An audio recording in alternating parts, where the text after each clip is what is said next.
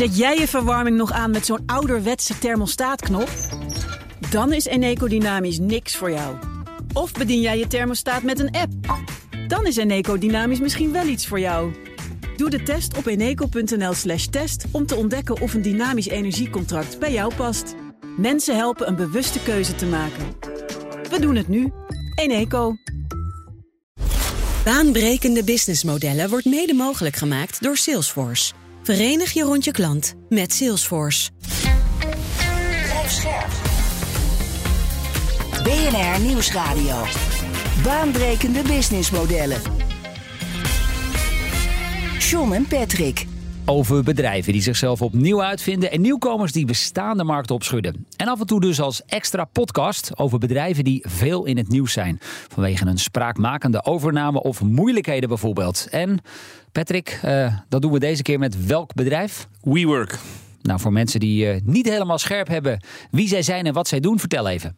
Ja, het is een aanbieder van uh, flexibele werkruimtes. Dus waar je uh, overal en nergens in grote steden terecht kunt uh, om als werkplek te kunnen gaan werken. Ze zijn opgericht in 2010 door Adam Newman. Um, Daar en, gaan we het zo ook nog even over hebben, hè, over deze man. Het is nogal een spraakmakend iemand. Uh, zeker. Um, die komt uitvoerig aan bod. En um, uiteindelijk um, is wel hun credo de future of work. Uh, want dat je niet meer in je eigen kantoor, in je eigen bedrijf hoeft te zitten, maar ook niet thuis. Dat is wel iets wat ze ja, propageren. het gaat alleen niet zo heel goed met het bedrijf. Kun jij uitleggen wat er aan de hand is? Ja, een maand geleden kwamen de cijfers van Q2 naar buiten. En dat was een 840 miljoen dollar omzet maar een netto verlies van 400 miljoen dollar. Zo. Dus stel eventjes ja. bij elkaar op dat ze dat bedrag dus uh, een miljard eigenlijk aan kosten hebben. En het bedrijf zei in een statement, we twijfelen over de voortbestaan uh, van ons bedrijf. Hey, en het was al langer onrustig in het bedrijf, hè? Ja, dat was een vrij plotseling vertrek van de CEO Sendil uh, Matrani. En uh, die was destijds de opvolger uh, van de oprichter. Ja, 2019 is hij aan boord gekomen. Juist. Um, eerder dreigde ze ook de plek op de beurs kwijt te raken. Waarom? Het aandeel werd namelijk voor minder dan 1 dollar uh, verhandeld. terwijl in de piek in 2019 was WeWork maar liefst 4, of 47 miljard dollar waard. En inmiddels ligt die waarde op geloof ik iets van minder dan 180 miljoen. Ja, rond de 200 miljoen dollar. Ja, Juist. dat in, in vier jaar tijd. Um, even over die waarschuwing waar jij net over uh, sprak. Dat was een, een zogeheten going concern. En beursgenoteerde ondernemingen die doen dat uh, ja, als ze niet helemaal zeker weten of ze het komend jaar ook voldoende cash hebben om alle rekeningen te betalen. Uh, en toen zeiden ze ook, onderdeel van onze reorganisatie wordt verlaging van de huur. En, en dat is wat ze nu hebben aangekondigd, toch? Ja, dat klopt. In een notendop komt het hierop neer dat zij alle slecht lopende locaties gaan verlaten. Dus dat betekent dat ze daar lage bezetting hebben, oftewel niemand bij het gebruik van een service, dan gaan ze daar weg. En alle bestaande leasecontracten gaan ze met vastgoedeigenaren heronderhandelen. Eigenlijk oh ja. een beetje wat uh, Big Bazaar ook heeft aangekondigd. Dat is altijd wel een eenzijdige boodschap. Hè? Wij gaan het heronderhandelen. Maar willen die vastgoedeigenaren dat eigenlijk wel? Uh, ja, dat is een hele goede vraag. Ja, het is eigenlijk ook privé dat je zegt van we gaan even een tijdje uit elkaar. Ja, ja dan weet je eigenlijk al wel voldoende natuurlijk. Hey, um, veel aan de hand dus uh, rondom dit bedrijf. Uh, dat officieel nu ook de We Company heet. Maar nog wel overal op de gevel staat, staat WeWork. Dus zo gaan wij het ook gewoon noemen. Um, dat businessmodel van dit bedrijf. Daar heb jij ook een case study over gemaakt. Um, en daarbij ook zeven redenen waarom jij stelt dat ze het niet gaan redden. Eerst even, ik zie eigenlijk aan de buitenkant ja, gewoon een kantoorverhuurder van flexibele werkplekken. Net als een beetje een Regis, een Flexas en meer van dat soort partijen. Uh, daar is volgens mij weinig start-up, scale-up, tech aan. Ik denk nu kun je dat achteraf uh, vaststellen. destijds moet je voorstellen dat deze hele beweging ehm, kwam.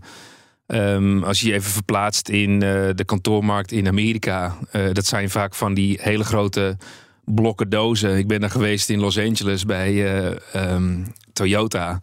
Je hebt geen uh, verlichting of licht naar de buitenkant. En je zit daar in die cubicles, weet je wel, met die grote schermen om je heen. Ja, niet echt en, heel gezellig. Nee, daar mensen proberen daar allerlei persoonlijke dingen op te hangen om een beetje thuis te voelen.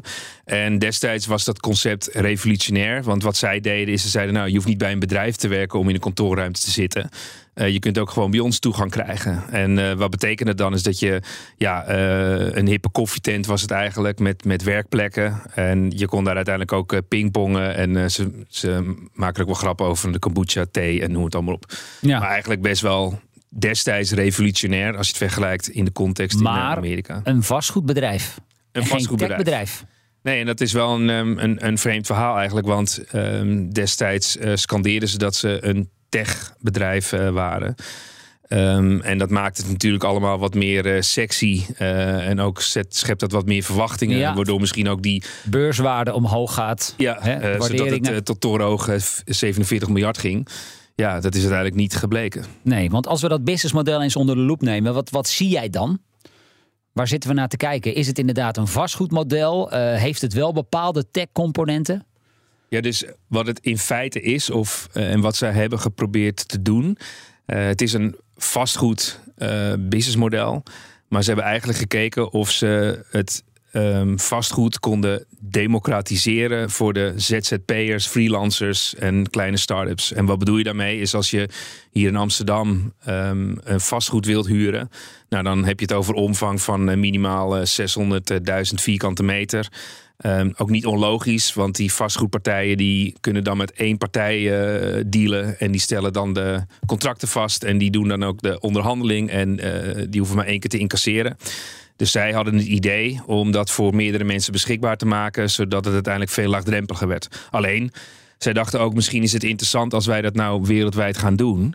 Dat betekent dat wij in de grote steden, waar die behoefte daar ligt, uiteindelijk een heel groot global network kunnen bouwen. Uh, zodat misschien ZZP'ers uh, daar uiteindelijk ook hun voordeel uit kunnen halen. Dus als ik hier bijvoorbeeld in Amsterdam uh, aan het werk ben, dan kan ik hier naar een WeWork. Maar mocht ik voor mijn werk drie dagen naar Singapore moeten, of naar Australië of naar New York, dan heb ik met mijnzelfde abonnement, kan ik ook daar inchecken bij een WeWork-vestiging. Ja, uh, voor individuen is dat iets ingewikkelder. Maar bijvoorbeeld voor een bedrijf, stel dat je bent Cargill en je wilt daar wereldwijd gebruik van maken, dan kan dat. Ja.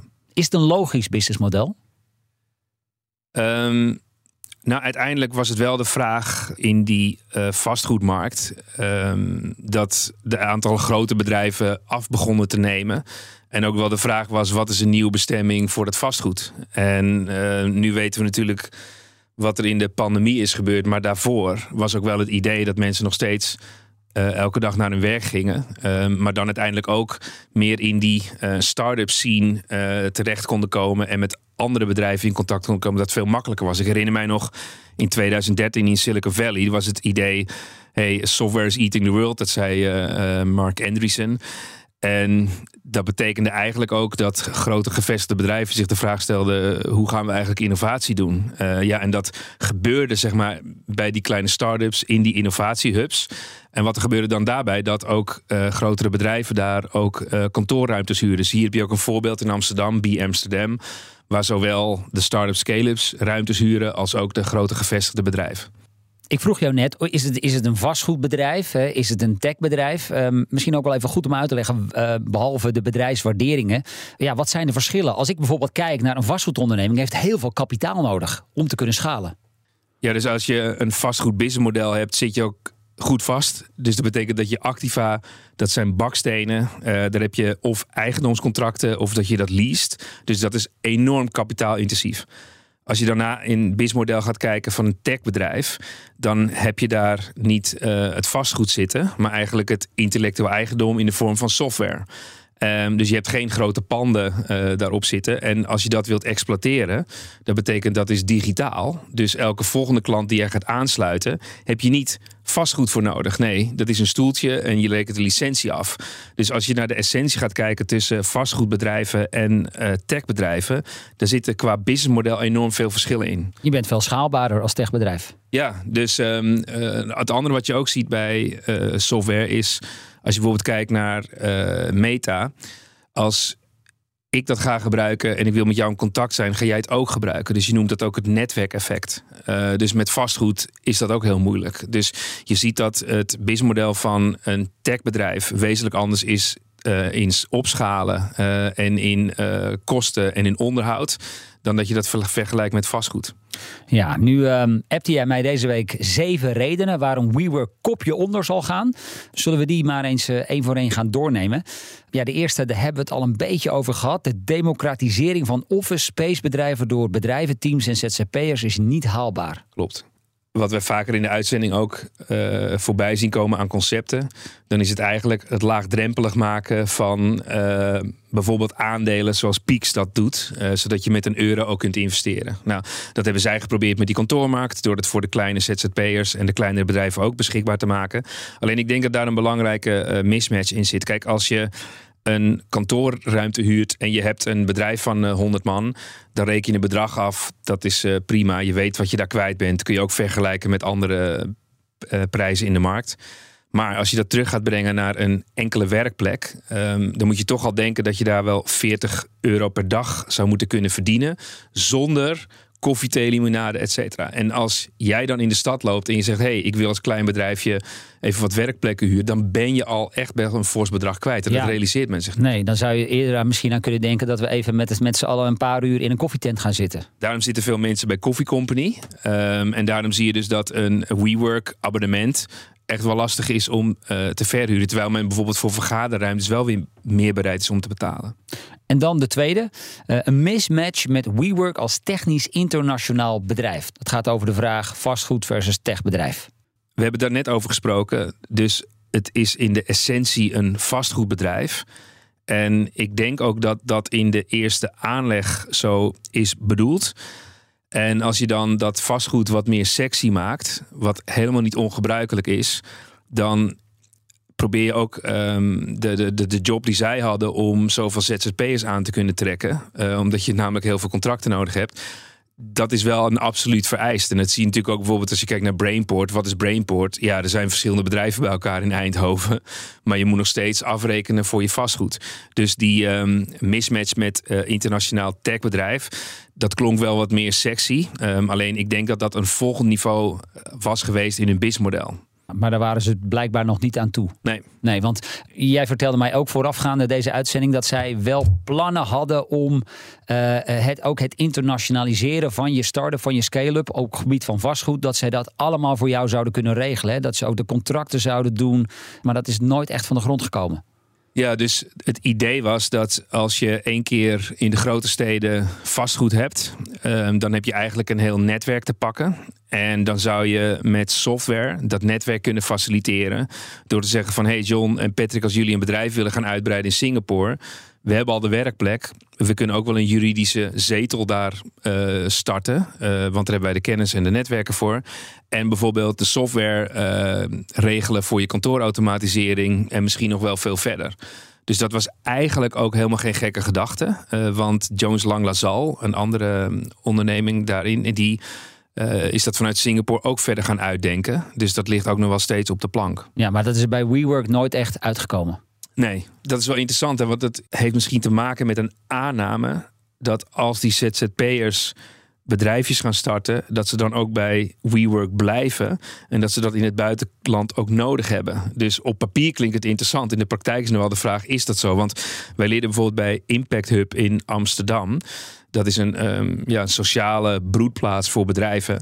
Dat uiteindelijk na een paar jaar mensen ook gewoon ja, een soort lifestyle hebben die zichzelf bezighouden, maar niet echt die impactondernemingen gaan opstarten. En dan de pandemie, uh, ook dat, uh, ook die noemde je net al even, leidt tot minder officegebruik van vijf naar twee dagen, de dinsdag-donderdag-economie. Ja, dat geldt bijvoorbeeld voor de ZZP'ers die er ook achter kwamen. Ja, ik kan ook meer vanuit huis doen. En het is ook sociaal uh, geaccepteerd.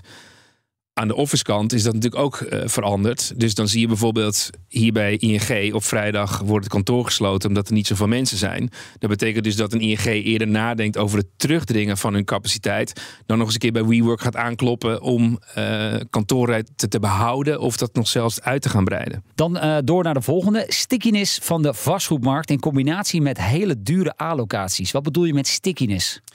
Ja, die vastgoedmarkt zit altijd goed vast. Uh, ik heb zelf hier een pand in Amsterdam en dan is het minimaal huur van vijf jaar. Dus dat betekent, als jij dan je intrede doet als WeWork en je zegt, luister eens, wij kunnen ook uh, ruimtes bieden aan, uh, dan heb je te maken met die langdurige cycli. Dus dan ga je als inkoopofficer in jouw kantoor niet 1, 2, 3 zeggen, joh, we gaan eens even bijhuren bij een WeWork. Uh, je bent misschien eerder geneigd dat te doen als je eigen huurcontract oploopt of afloopt, zodat je dat opnieuw kunt organiseren. Het is allemaal niet bijster flexibel dus. Nee, maar kijk, dat komt ook wel terug op dat punt van die um, democratisering. Als je dat wel zou doen, dan heb je zoveel administratie nodig en uh, moet je die flexibiliteit kunnen faciliteren. Dat kan eigenlijk niet, want dan moet die huurprijs omhoog. Dus dat is eigenlijk wel gewoon kenmerkend voor die vastgoedmarkt. Ja, best ingewikkeld dus. En ze zitten ook op hele mooie locaties. In Amsterdam ook op de Weesperzijde. Hier vlak bij de studio van BNR. Ja. Uh, ja, dat kost geld. Ja, ja, maar ja, goed, meer dat, dan. Uh, ja, maar dat gaan ze nu uitonderhandelen of heronderhandelen, gelukkig. Ja. Dus dan zal het wel goed komen. Ja. ja. Hey, nummer vijf dan. Um, de grijcultuur van de oprichter, de veelbesproken Adam Neumann. Hij nam in 2019 ja, noodgedwongen afscheid van de onderneming die hij in 2010 zelf had opgericht. Maar dat was nogal een. Het is nogal een mannetje. Nou ja, wat was er nou aan de hand? Ze waren een IPO aan het voorbereiden. Dus uiteindelijk zeg maar gaan voor een beursnotering om geld op te halen. Nou, nu weten we dat vastgoed behoorlijk veel geld kost en dat geld voor nodig is. Dus uh, als je dat wil door blijven financieren, dan moet je dus gaan kijken waar je dat vandaan gaat halen. In die voorbereiding um, bleek dus dat de reputatie van die oprichter niet helemaal um, zuiver was. Vliegtuigje van 60 miljoen. Ja, dus hij had een um, vliegtuig aangeschaft zonder daar anderen in te kennen. Um, hij was ook een keer met vrienden naar, ik geloof, uh, Israël gevlogen met een uh, G5 Gulfstream. Dat is populair onder die. Uh, ja. En um, uiteindelijk had hij daar marihuana gerookt. En toen hadden ze gezegd: hartstikke leuk, vlieg maar terug met een ander. want met ons ga je niet meer mee. Maar wat ook wel belangrijk is, dat hij een belangenverstrengeling had. Want wat deed hij? Hij kocht met financiering panden aan. En hij bood leasecontracten aan aan WeWork. Dus wat betekent dat? Hij verrijkte zich met mogelijke toename van de waardering van die panden. Terwijl die WeWork vastnagelde met die leasecontracten. Dus dat, dat ging beetje... dan naar zijn privévermogen. Ja, jeetje. En daar kwamen ze dus achter toen ze die IPO aan het voorbereiden waren. Klopt. Um, en een ander punt was nog dat um, die hele tech-belofte dat ze dachten, hé, hey, wacht even, dat die 47 miljard beurswaarde misschien niet helemaal terecht. Uh, dus waar gaat het dan uiteindelijk vandaan komen? Dus bij de voorbereiding van die IPO uh, zakte het eigenlijk al een beetje in. Ja, en dat is inmiddels uh, dus onder de 200 miljoen. jij hebt hem ooit ontmoet, hè? Ja. Hoe was dat? Ja, dat realiseerde me eigenlijk ook achteraf pas. Dat was eigenlijk een beetje in de begintijd, ik denk 2014. En... Toen was hij nog de koning op zijn troon. Ja, um, maar het was toen nog niet zo heel erg groot hoor. Oké. Okay. Uh, maar wij waren toen bij hem in New York, want wij deden daar een, uh, een workshop. En uh, zij wilden toen kijken of wij hen konden helpen met uh, businessmodelstrategie. En toen kwamen zij met dat voorstel, toen allemaal topgeheim, omdat zij zeiden van... Dat voorstel bedoel je? Ja, dus dat was het model waar ze zeiden, we zijn niet alleen vastgoed. Internationaal, we gaan we het voor je een internationaal regelen. netwerk ja, voor business. Dus ja, dat klonk natuurlijk waanzinnig. Ja. Uh, dus ik dacht ook wel van, hé, hey, misschien is er wel iets wat zou kunnen werken. En destijds uh, Ben, een uh, collega van mij uit kantoor Australië, die ging toen voor Jones Langs LaSalle werken met dezelfde opdracht. Dus ja, hebben er toch met meerdere bedrijven. Ja, er zat dus wel wat in. Maar hoe was dat? Want, hij, hè, want de verhalen over hem, we hadden het net over dat vliegtuig van 60 miljoen. En het schijnt ook dat in zijn kantoor hing een soort permanente wietlucht. die hij dan liet uh, met, een, met, een, met een afzuiger. Uh, probeerde hij dat dan weg te halen. Was het een leuk gesprek? Was het amuserend? Of dacht je wel, wat is dit voor een type? Nou, kijk, als je in um, Amerika bent en in New York. dan kun je altijd wel alles verwachten. Dus dat is heel iets anders dan dat je hier een meeting zou hebben. Ik herinner mij dat we daar met een aantal jonge gasten zaten. Dat je denkt, oké, die gasten hebben het echt wel goed voor elkaar. Alleen wat ook wel anders is in de Amerikaanse cultuur. Die zijn veel meer gewend aan grote denken. En ook op een grote manier dat soort verplichtingen aan te gaan. Dus um, ja, het waren wel succesvolle gasten. Daar kon je ook wel echt een leuk gesprek mee hebben. Um, ik merkte niks van uh, wiet of van uh, uh, druggebruik of iets anders. Alleen wat je wel ziet is uiteindelijk, doordat het zo hard is gegroeid met zo'n marktkapitalisatie van 47 miljard. Ja, als je dan mensen hebt die niet stevig in de schoenen gaan, die gaan gewoon echt gekke dingen doen. En ik denk dat dat uiteindelijk ook wel de das heeft omgedaan. Hey, dan nog uh, corona. Um, zojuist al even over die pandemie gehad. Maar jij schreef mij ook een lack of sympathy tijdens die coronacrisis. Bedrijven jaagden klanten weg en die komen niet meer terug. Nee, dus er staat ook een artikel online over een um, kleine ondernemer. En die vertelt ook daar zijn verhaal. En die zegt. Um, uiteindelijk vond hij het hartstikke tof om uh, toegang te hebben, andere mensen te ontmoeten. Uh, een hippe in, de, in de stad. Alleen uiteindelijk toen bij corona dacht hij van ja, dit gaat het voor mij niet worden. En ik moet ook afschalen en kijken naar mijn kosten. Ja, en dat bleek bij um, WeWork ook helemaal niet mogelijk te zijn. Dus hij die zat had, goed vast. Ja, goed vast. Ook weer om. En, en um, kijk, hij zei in die tijd van corona um, zijn vliegtuigmaatschappijen Booking.com heel klant geweest. En uiteindelijk was WeWork die opposite. Dus hij zegt, ik ga er nooit meer naar terug. Ook nee. niet als mijn collega's erom vragen. Heel veel sympathie daarmee verloren. Ja. En dan vervolgens uh, nog de groei van ZZP'ers. Uh, uh, die blijft uit en blijven dus ook niet bij WeWork. En dat is dan de zevende reden waarom dit model kapot is. Ja, dus ehm, wat betekent dat is dat ZZP'ers niet blijven. Dat bedoelt eigenlijk in het groeimodel. Dus uiteindelijk als je meerdere collega's gaat vinden... Um, en je wil uiteindelijk je bedrijf uitbreiden... ja, kun je dan binnen het huis van WeWork blijven. En dat heeft, model heeft zich eigenlijk onvoldoende bewezen. Ik weet nog wel dat ik begon in het kantoor van Endemol. Toen begon ik bij uh, Jan Zijn, uh, het bedrijfje Individual. Had ik een kleine werkkamer. Ja, dus langs de A2 eh, bij Amsterdam Zuidoost. Ja, en toen daarna was daar beneden een pand. En dat was eigenlijk heel toevallig. Um, maar je ziet dat WeWork niet in staat is geweest om ook die groei van individuen te kunnen faciliteren. Dus dan eigenlijk een aanname ook uitgebleven.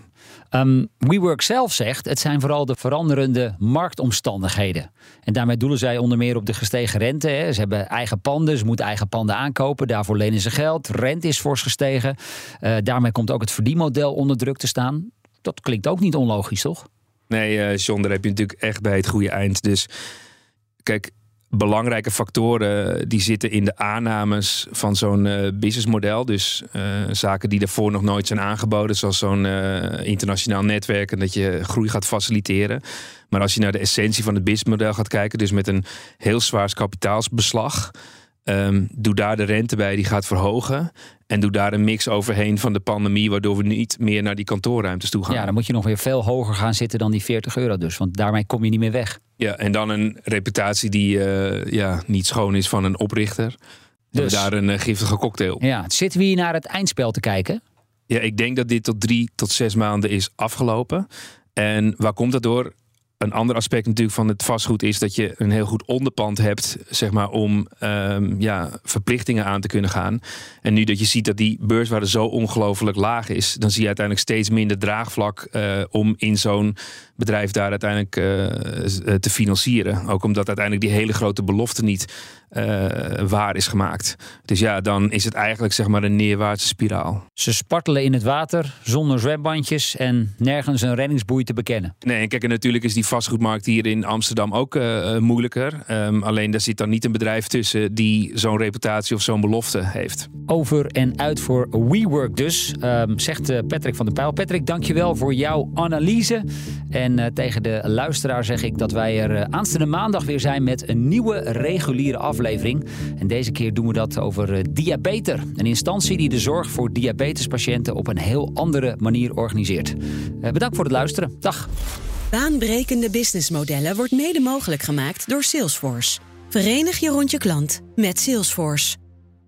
Eet jij elke woensdag lasagne omdat het zo lekker makkelijk is? Dan is Eneco Dynamisch niks voor jou. Maar kook jij het liefst elke keer wat anders met het risico dat ze zeggen... Ja dag, dat gaan we echt niet eten. Dan is Eneco Dynamisch misschien wel iets voor jou. Doe de test op eneco.nl slash test om te ontdekken of een dynamisch energiecontract bij jou past. Mensen helpen een bewuste keuze te maken. We doen het nu. Eneco.